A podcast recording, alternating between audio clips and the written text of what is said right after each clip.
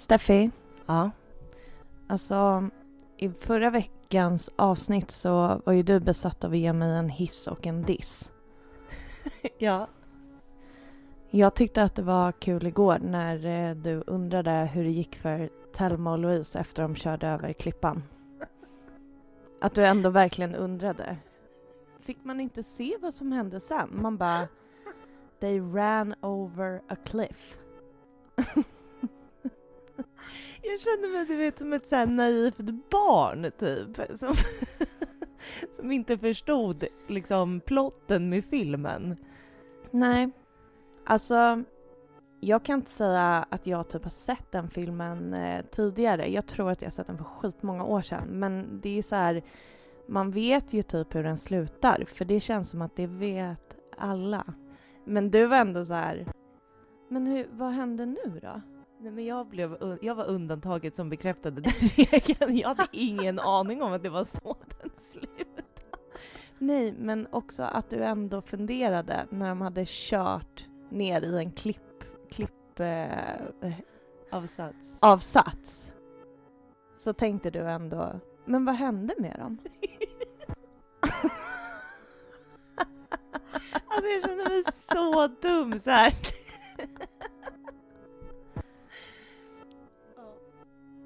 Men eh, det var ju en diss. Hade du en hiss också eller? Nej, egentligen inte. Okej, det var ju tråkigt.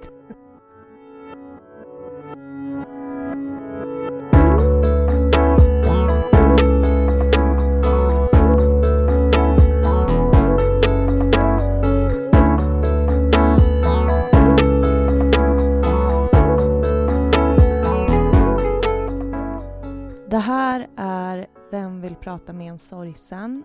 Jag heter Mickan. Och jag heter Steffi. Olla, Hej! hej. Hur mår du Mickan? Jo, men alltså jag mår ju faktiskt väldigt bra måste jag ändå säga. Det har liksom varit en eh, toppenvecka på många sätt i mig själv. Eh, vilket känns så himla konstigt eftersom att jag eh, har strugglat med den här depressionen i typ ett år. Eller mer. Jag har vetat om att jag har haft den i ett år. Skitsamma, herregud. Nej men jag, eh, jag har en märklig känsla för att vi sitter ju här och det är påskdagen. Eller hur? Ja, jag tror det. Påskafton, påskdagen, annandag påsk. Ja. Så idag är det påskdagen. Och det känns som att jag borde må sämre. Men jag gör inte det, utan jag känner istället en ganska så lätthet i kroppen och jag känner att livet är trevligt och livet är trevligt. och ehm, att jag mår liksom rätt bra. Och det blir lite så här, jag vet inte, det blir kluvet för mig för att jag hade nog en förväntning om att jag skulle må sämre för att det är påsk. Ja, jag fattar. Men samtidigt så är det som att den här eh, bra känslan som jag har i kroppen, den känns väldigt skör.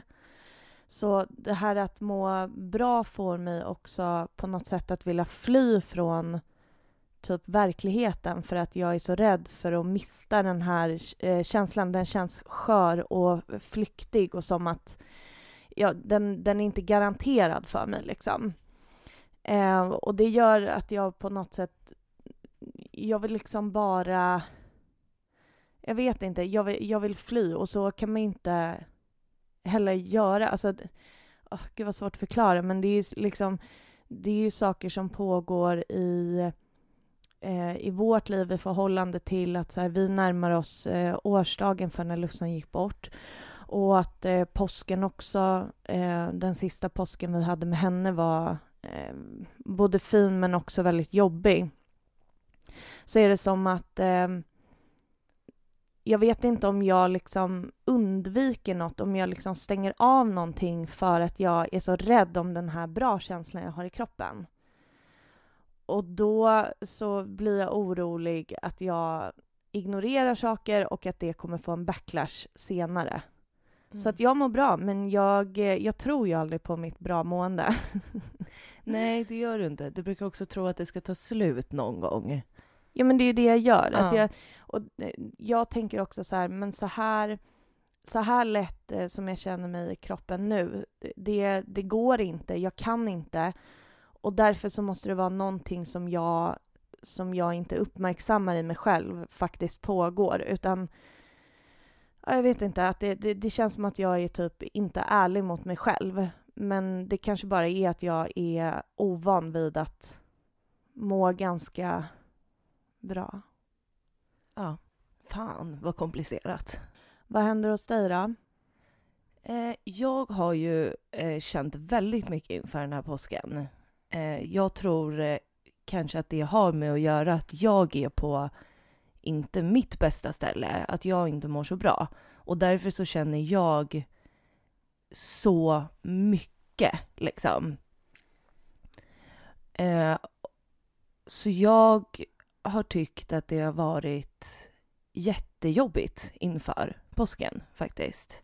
Men alltså, tror du att dina jobbiga känslor inför påsken är för att du mår dåligt? Alltså jag tänker så här, vi ska prata lite om det i dagens avsnitt. Men påsken är ju inte helt okomplicerad och högtider är ju inte helt okomplicerade i den situationen där vi befinner oss. Där vi Nej. faktiskt s- alltså, ständigt då blir påminda om att det är någon som hela tiden saknas. Ja. Nej, och jag vet, alltså det har, jag, vad har med det andra att göra? Alltså allting har väl med varandra att göra. Men jag tror att det har varit en anledning till att jag kanske inte har mått jättebra. Alltså att påsken har varit en bidragande faktor till ditt dåliga mående. Så kan man väl sammanfatta det. Ja. Men sen har ju jag också börjat på antidepp den här veckan. ja. Är, det, är det en vecka? Ja, sjätte dagen idag tror jag. Mm. Eh, och det har ju varit eh, lite upp och ner. Eh, jag har mått ganska illa ehm, och eh, haft ångest. Men det behöver inte ha med tabletterna att göra. Det kan också... Nej, men det kan ju också vara tabletterna. Det kan alltså, det. det är jättesvårt att säga vad som är vad, men eh, för er som inte vet, alltså när man börjar trappa upp på antidepp så kan det vara så de första veckorna att man får mer ångest än vad man hade innan, vilket är väldigt eh, keft på alla sätt och vis. Alltså, ehm, jag eh, mådde ju också jätteilla när jag började på det och var typ så jävla gasig i magen. Men eh, jag fick inte någon ökad eh, ångest. Eh, men det där är ju så himla olika från person till person. Ja. Och det kan ju också, det går så mycket i vågor. Alltså det kan komma så här från ingenstans. Att jag, att jag känner ja, men typ illamående eller ångest. Och så, ja, jag vet ju inte vad som är vad, om det är tabletterna eller om det bara är mitt mående generellt liksom. Nej. Nej. Det viktiga är att... ehm, att ehm, ja, vad fan är det viktiga? Det viktiga är att du mår bra och eh, förhoppningsvis på lång sikt så kommer de här tabletterna i alla fall ge dig bättre förutsättningar att få må lite bättre. Ja, jag tror det. Det har jag ändå som en känsla liksom.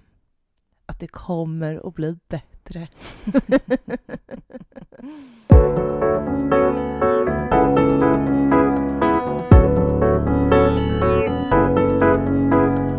Vi sitter ju just nu i ett rum där vi har sovit många timmar genom eh, vårt liv. Vi är i en stuga på, eller inte på Väddö, men vid eh, Väddö som ligger utanför Norrtälje, som ligger utanför Stockholm.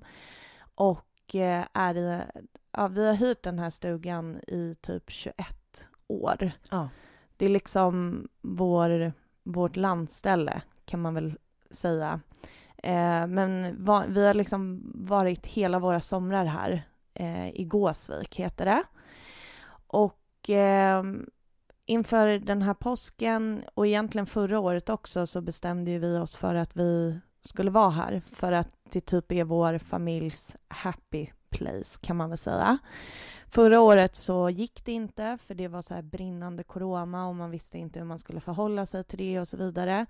Men nu ett år senare så finns det antikroppar. Det finns vaccinerade personer och eh, vi kunde åka hit. Ja, så, alltså jag är så tacksam för att vi kunde vara här alltså. Mm, så det är liksom du, jag, mamma, pappa, Anton och eh, vår lilla hund Sigge som eh, kilar stadigt eh, i den här stugan i dagarna fem eller vad fan det nu blir. Vi även, det står ju även liksom två 80-sängar ihopputtade här där jag, Mickan och Anton har sovit.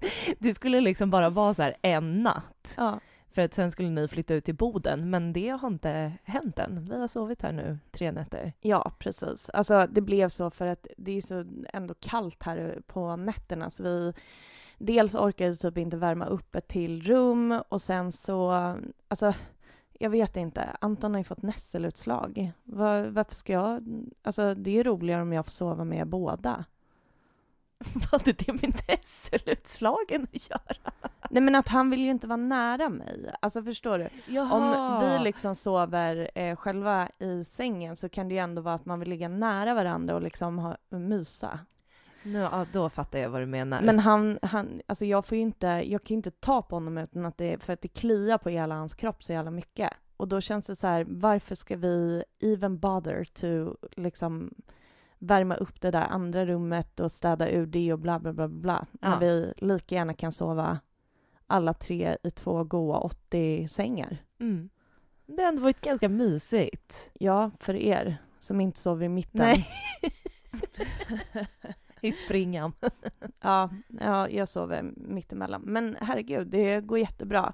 Och eh, men det är ändå under omständigheterna så fint att vi kan vara här, tycker jag.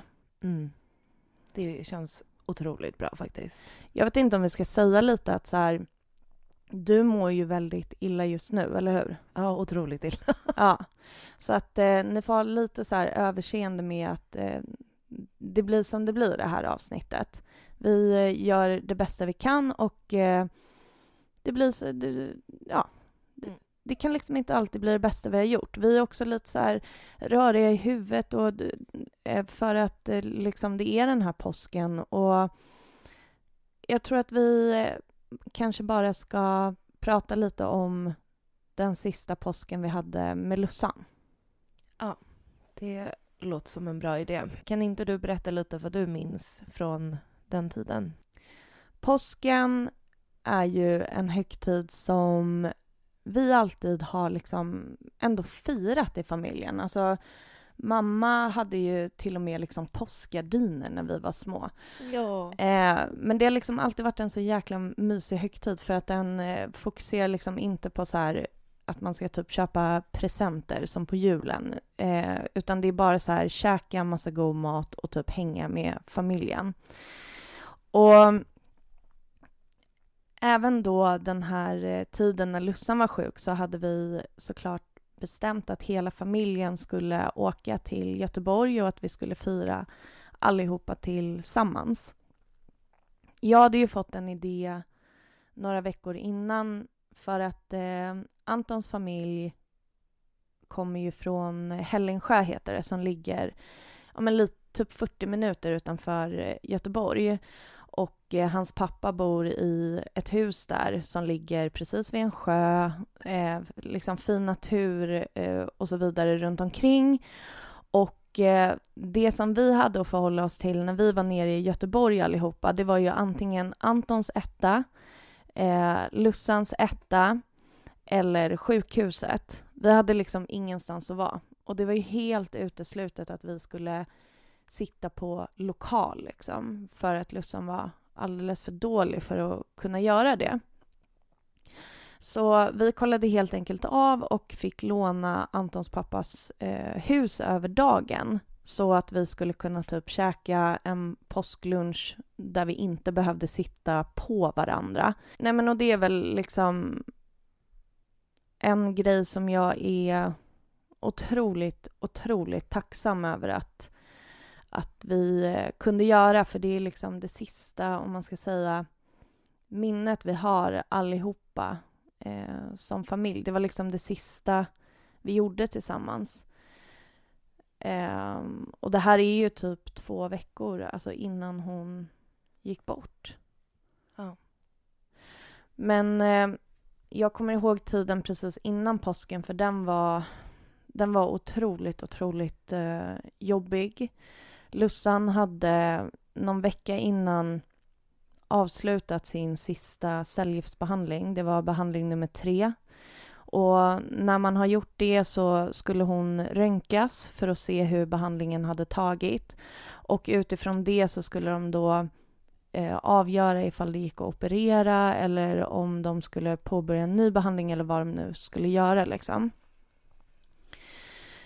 Eh, och vi fick ju beskedet om att behandlingen inte hade tagit något bra och att de inte visste hur de skulle gå vidare. Och det där var ju, alltså det var så fruktansvärt att bara lämnas med och det var så sjukt alltihopa. För jag kommer ihåg när hon eh, fick det här samtalet om att eh, behandlingen inte hade funkat. Mm. Det här är ju kanske, alltså det här är ju typ en och en halv vecka innan påsken. Mm. Men jag fattar inte den här grejen till den här dagen. Hur man bara ringer en person som är sjuk, som har gått på väldigt starka mediciner i, ja men, under en längre period. Och vi snackar liksom inte Ipren, utan det är liksom morfin. Alltså man är ju legit liksom påverkad av väldigt, väldigt starka mediciner. Och bara ringer den personen och säger det här och sen bara inga vidare besked. Nej.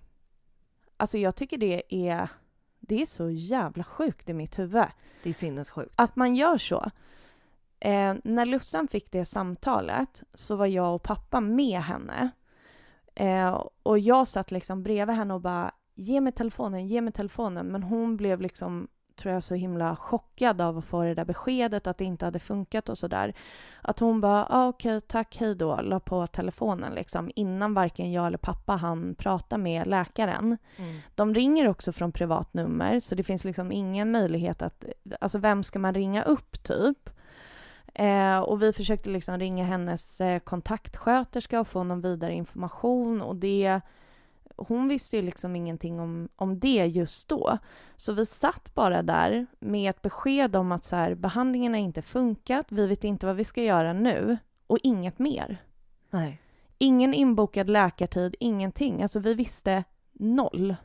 Nej, Det är så extremt märkligt att göra det på det sättet. Och jag börjar liksom tänka på personer som i den situationen är ensamma. Hur fan gör man då? För att det som hände eh, med oss, det var ju liksom att så här, eh, mamma började försöka ringa runt. Hon gjorde ett sånt hästjobb och ringa runt liksom och försöka prata med eh, alla möjliga läkare och förstå liksom vad det var som pågick och, eh, ja, och så vidare och så vidare liksom. Och vi gjorde det vi kunde. Vi var liksom massa personer runt henne som kunde på något sätt eh, sätta press och försöka ta reda på hur, hur vi skulle gå vidare i det här. Mm. Men fatta hur många det är som går igenom en sån här process ensam, vilket i sig är så fruktansvärt och jag kan inte ens föreställa mig liksom. Men vad gör man då när man är ensam i en sån situation? Jag, jag vet inte om det är någonting jag missar här, men jag, jag tycker att det är helt sinnessjukt att det är så här det går till. Ja. Men i alla fall eh, så fick vi till slut reda på att de skulle prova en ny behandling då. Och det var immunterapi och den skiljer sig på, alltså jag ska inte gå in på behandlingarna, men den skiljer sig lite från cellgiftsbehandlingar. Men det gav ju oss eh, ett nytt hopp liksom. Eh, och det, mitt första minne från den här sista påsken med Lussan, det är ju att jag kom väl ner dagen innan skärtors, tor, skärtorsdagen. Nu kommer talfelen här igen. Skärtors- Skärtorsdagen. Eh, still going strong. Ehm, och på skärtorsdagen så skulle hon få den här behandlingen immunterapi. Och den skedde ju liksom genom dropp, så det var så här, jag, mamma och pappa var med henne på sjukhuset och satt med henne när hon fick den här eh, behandlingen under några timmars tid. Det första jag kommer ihåg det är när jag liksom ser henne då, för att jag hade ju varit i Göteborg bara några dagar, alltså vi snackar fem dagar typ innan hade jag varit där.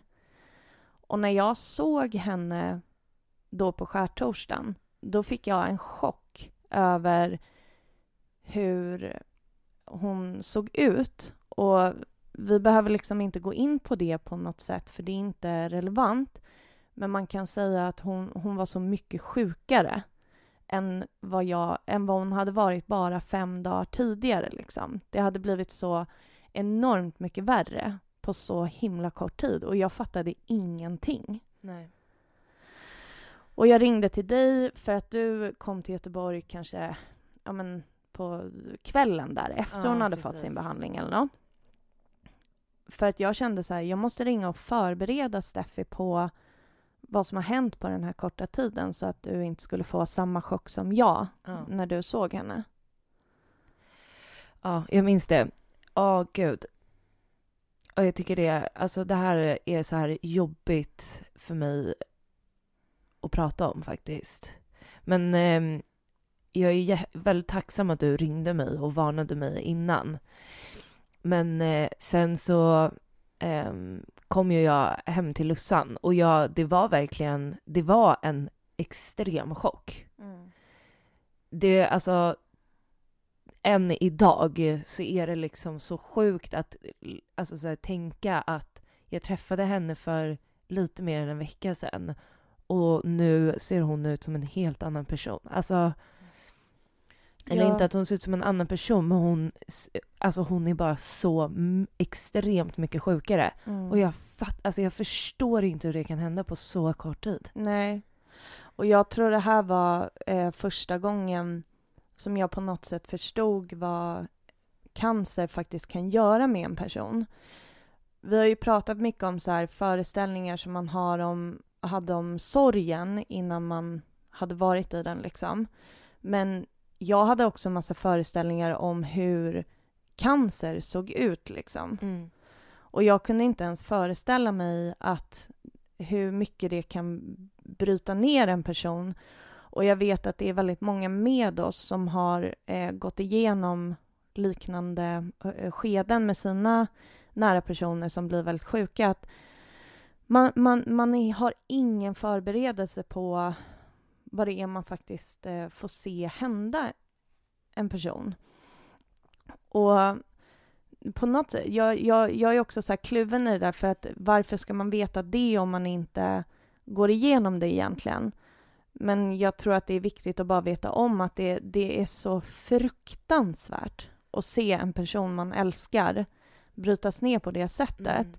Och det är ett helt lager i ehm, hur det än går, alltså även om den personen blir frisk sen eller eh, som i vårt fall att man förlorar personen så har man också sett så otroligt mycket jobbiga saker hända rent fysiskt med eh, en person som man älskar väldigt mycket och det är liksom ett helt lager i den här bearbetningen och i traumat som man faktiskt har, har gått igenom. Mm. Man tänker liksom att det här att förlora någon är det värsta och det är det värsta. Men det finns så mycket som pågår innan det som nästan är svårare att liksom prata om, tycker jag. Ja. Att det, det, på något sätt så är det så här att...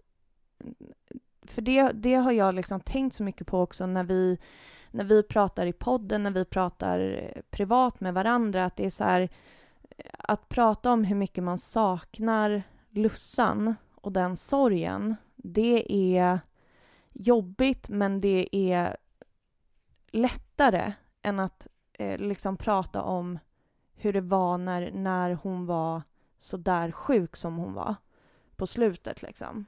Ja. Ja, verkligen. Jag håller med dig. Jag har eh, inte tänkt på det på det sättet förut, men eh, det stämmer. det stämmer? Det stämmer. Nej, men eh, just det här som du säger, det här eh, sättet som man verkligen ser sin person brytas ner på.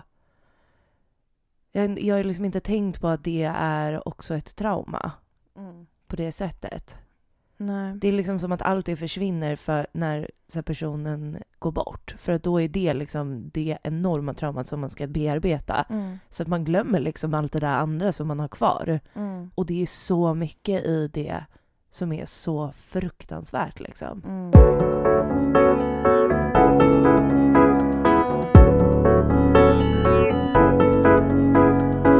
Det finns några små saker som jag kommer ihåg som så här, jag vet inte, som jag blir så här fnissig mm. av att tänka på när jag tänker tillbaka på den här påsken. Eh, och det första som jag minns det är att när vi skulle åka ut där till eh, Hällingsjö så hade vi beställt en eh, stor bil som skulle komma och hämta oss och vi sitter utanför Lussans lägenhet och väntar på den. Och eh, jag hade på mig ett par nya skor och det var ett par skor som jag hade velat ha i alltså många, många, många år. Eh, och som jag hade hittat så här begagnade på en sida på www. Men eh, jag hade ändå inte så råd att, att, köpa dem och jag kommer, det här var väl liksom då gången innan och så var Lussan så här men eh, får jag köpa dem till dig? Jag bara, du får most certainly not köpa några jävla skor till mig. Men det gjorde hon ju såklart ändå. Eh, och jag hade på mig dem där och eh, stod liksom och försökte väl, jag vet inte, vara lite rolig. Jag bara, Lussan, kolla skorna, kolla skorna. Stod och bara, oh, oh, oh. gud vad tant. jag visade skorna helt enkelt. Eh, och Lussan bara satt där och bara, bra köp, bra köp. Ja. Mm. Och de där skorna hade jag ju på mig på begravningen sen också. Mm. Och de eh, ligger mig så varmt om hjärtat. Och jag kan liksom inte hjälpa att tänka på att hon på olika sätt redan visste typ. För att vi såg henne men hon kände ju sin kropp liksom. Uh. Jag kan liksom inte hjälpa att tänka på att hon var så himla insisterade på att så här, du ska få dem där av mig och att eh, hon verkligen gjorde det utan att jag typ ville. Mm. För att hon visste att det här inte skulle gå bra. Jag vet inte. Det är bara sådana tankar som jag eh, drabbas av mm. liksom i efterhand. Och det är också så här då när vi var eh, när vi var eh, ute i det här huset och åt en påsklunch eh, så hade vi ju sån himla tur för att det var så här otroligt, otroligt fint väder och mm. jättevarmt och sådär. Eh, Lussan var ju väldigt trött så hon orkade bara sitta med i korta perioder och sen så låg hon mest liksom och vilade. Men det var vid något tillfälle, hon låg och vilade och vi gick ut i trädgården och satte oss eh, och käkade tårta i solen. Och helt plötsligt så kommer liksom hon ut eh, och hon fick ju liksom hjälp att gå ut och liksom så. Men hon kom ut och hon var barfota och hon satte sig där i en stol och hade liksom ansiktet mot solen. Och sen så åt hon fan med två stora tårtbitar. Ja. hon hade liksom knappt klarat av att äta någonting. Och hon satt där och verkligen bara tyckte den där tårtan var så himla god och satt med fötterna i gräset och mm. ansiktet mot solen och så har man liksom utsikt över en sjö. Ja. Och det är ett, ett så hjärtskärande minne där jag känner typ så här, hon visste nog där. Mm att det inte var så mycket kvar. Jag tror verkligen att hon visste det där. Jag tror också det. Och att hon kände typ så här att hon ville liksom ta in den här naturen som också var det bästa hon visste. Mm. Hon var ju värsta naturmänniskan liksom. Hon Mm. ville ta in det här vackra runt sig, omgiven av sin familj på något sätt, en sista gång. Mm. Ja, gud. Det är ändå ett väldigt fint minne. Men det är också, det är så jävla dubbelt allting hela tiden. För det är också extremt sorgligt liksom att det är så här, det sista vi har. Ja.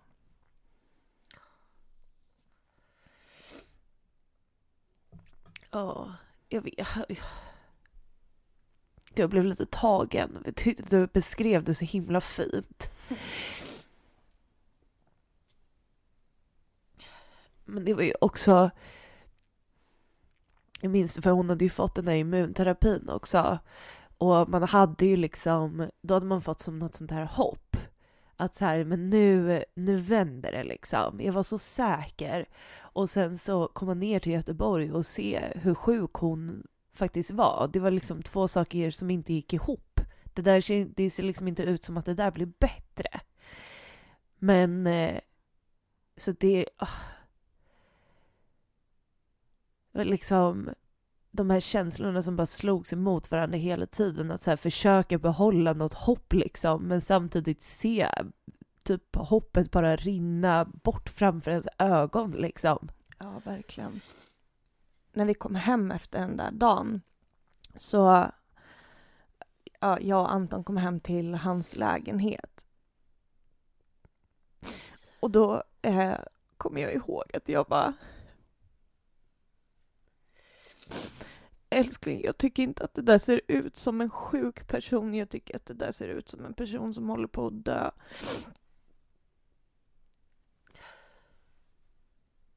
Och det var väl...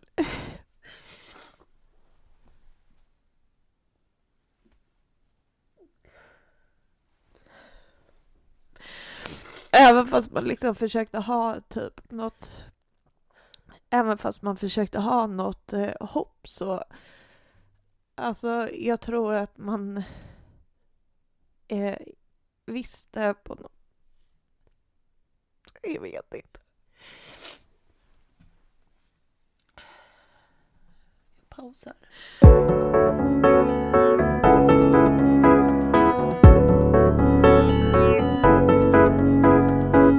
Vi var tvungna att ta en paus. Ja, det behövdes verkligen. Ja, gud. Det slog eh, extremt hårt faktiskt att prata om det här. Men det gör det. Det gör det. Nu liksom tåras jag igen, men eh, jag ska berätta alltså en grej som jag kommer ihåg också från den där dagen. Som var liksom att eh, jag och Lussan satt bredvid varandra i en soffa hemma hos Antons pappa och hon satt och scrollade Instagram. Och du vet, jag ser henne, hon så här likar lite bilder, alltså du vet så här som man gör, Ja. scrollar, likar lite så. Och sen så kommer hon till eh, en bild som jag hade postat, alltså för en halvtimme tidigare. Det var jag, höll i den här tårtan, stod ute i solen, alltså, you know. Ja. Och jag ser henne stanna upp, titta på bilden och scrolla vidare. utan att lajka. och jag var så jävla kränkt.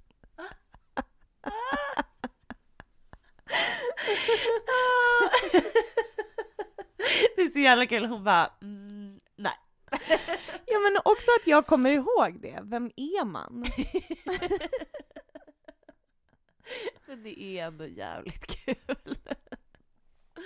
Ja, herregud. Jag eh, fortsätter prata här eftersom att eh, du mår lite illa idag. Ja, fan alltså. Det, idag är det inte bra. Men du, det är så lugnt. Jag tror att eh, alla som lyssnar förstår. Ja, Nej men på tal om påsken liksom. På tal om på tal påsk. om påsken liksom.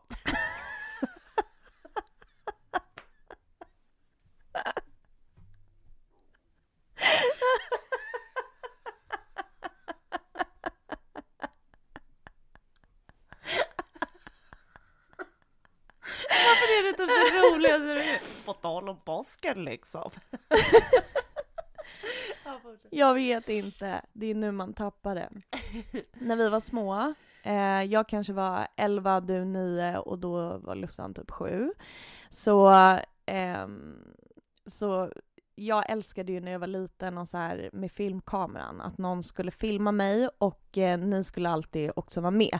Som eh, bakgrundssångare, bakgrundsdansare eller bara, ja, you know, it was me calling the calls och ni hängde med på, på, på färdens gång. Eh, och då så, i alla fall den här påsken när jag var 11 så bestämde jag mig för att göra en talkshow. Ja, alltså, det här är så bra grejer. Ja, som hette Påskprat i kvadrat.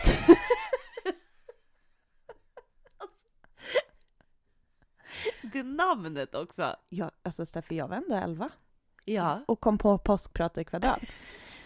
Och du vet, eh, det där gick ut på att eh, du och Lussan skulle tävla i lite så här olika grenar och jag var programledare.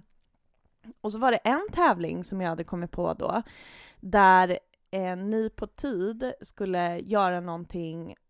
Nej, så här var det. Från början så var det så här att ni skulle äta godis på tid.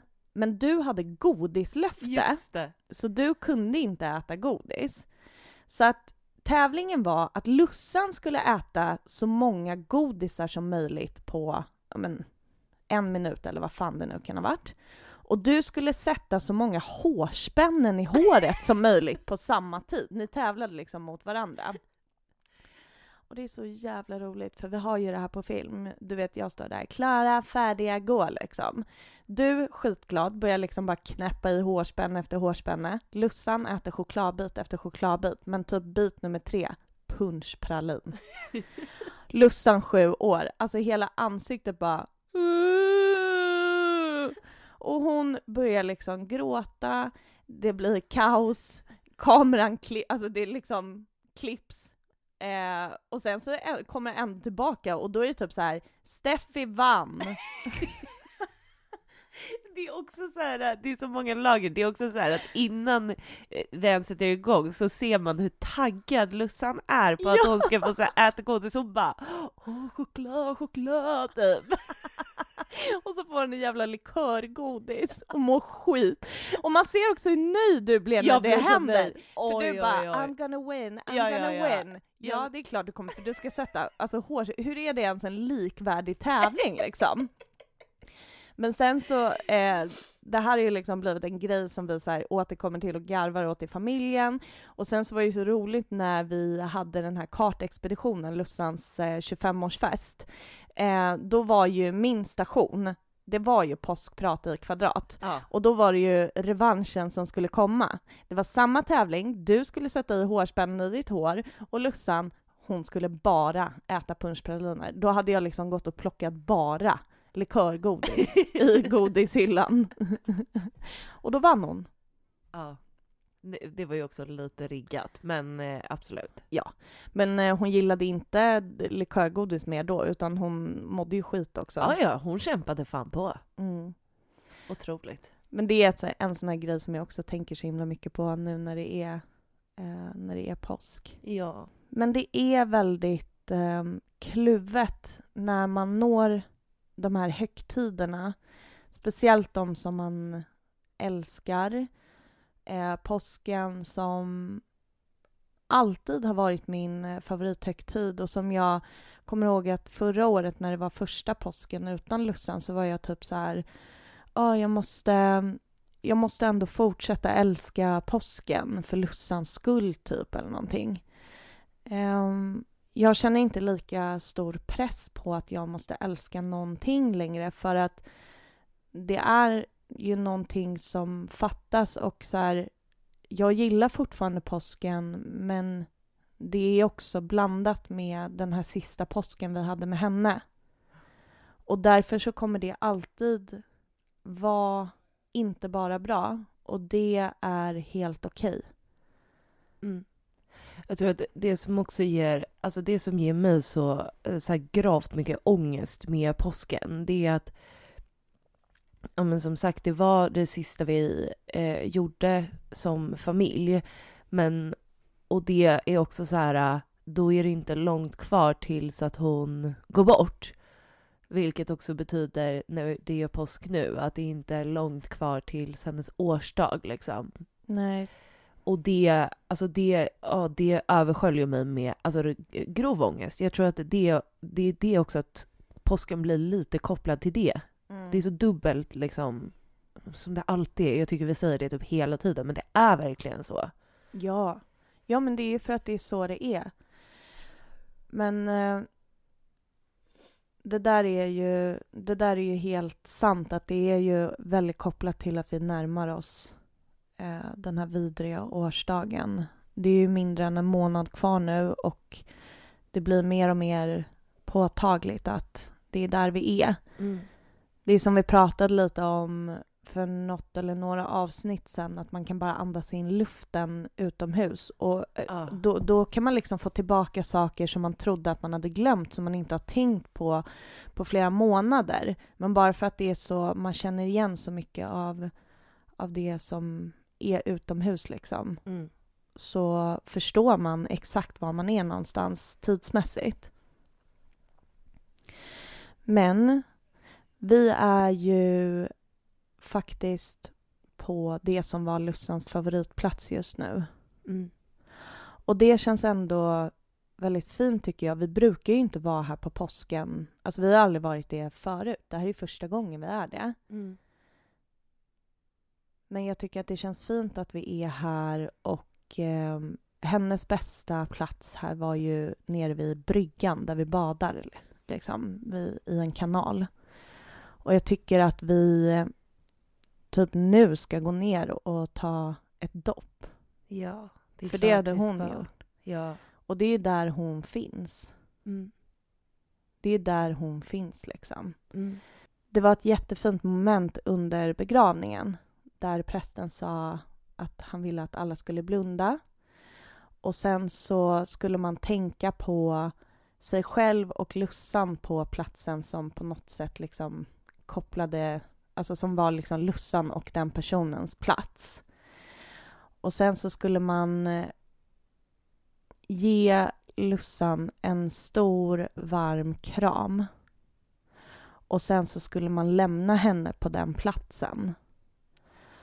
Och det där är, det är så märkligt för att det var liksom inte så här du ska lämna henne och gå och aldrig komma tillbaka utan det är på något sätt så här när, när man återvänder till den platsen eller när man blundar och tänker att man är på den platsen då är hon alltid där. Mm. Och hon är verkligen det. Och det var så fint att alla vi lämnade henne här i Gåsvik och nere på bryggan. Ja, Så hon är ju där nere. hon är där. Så jag tycker att vi ska gå och ta ett bad med henne. För hon sitter ju där och bara väntar på oss nu. ja.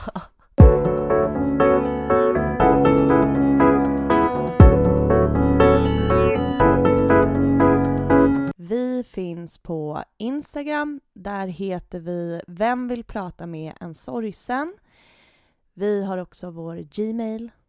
You know what it's called. Vem vill prata med en sorgsen? At gmail.com. Yeah. Är det något mer jag vill säga? Nej, det finns inget mer jag vill säga. Men vad vill du säga?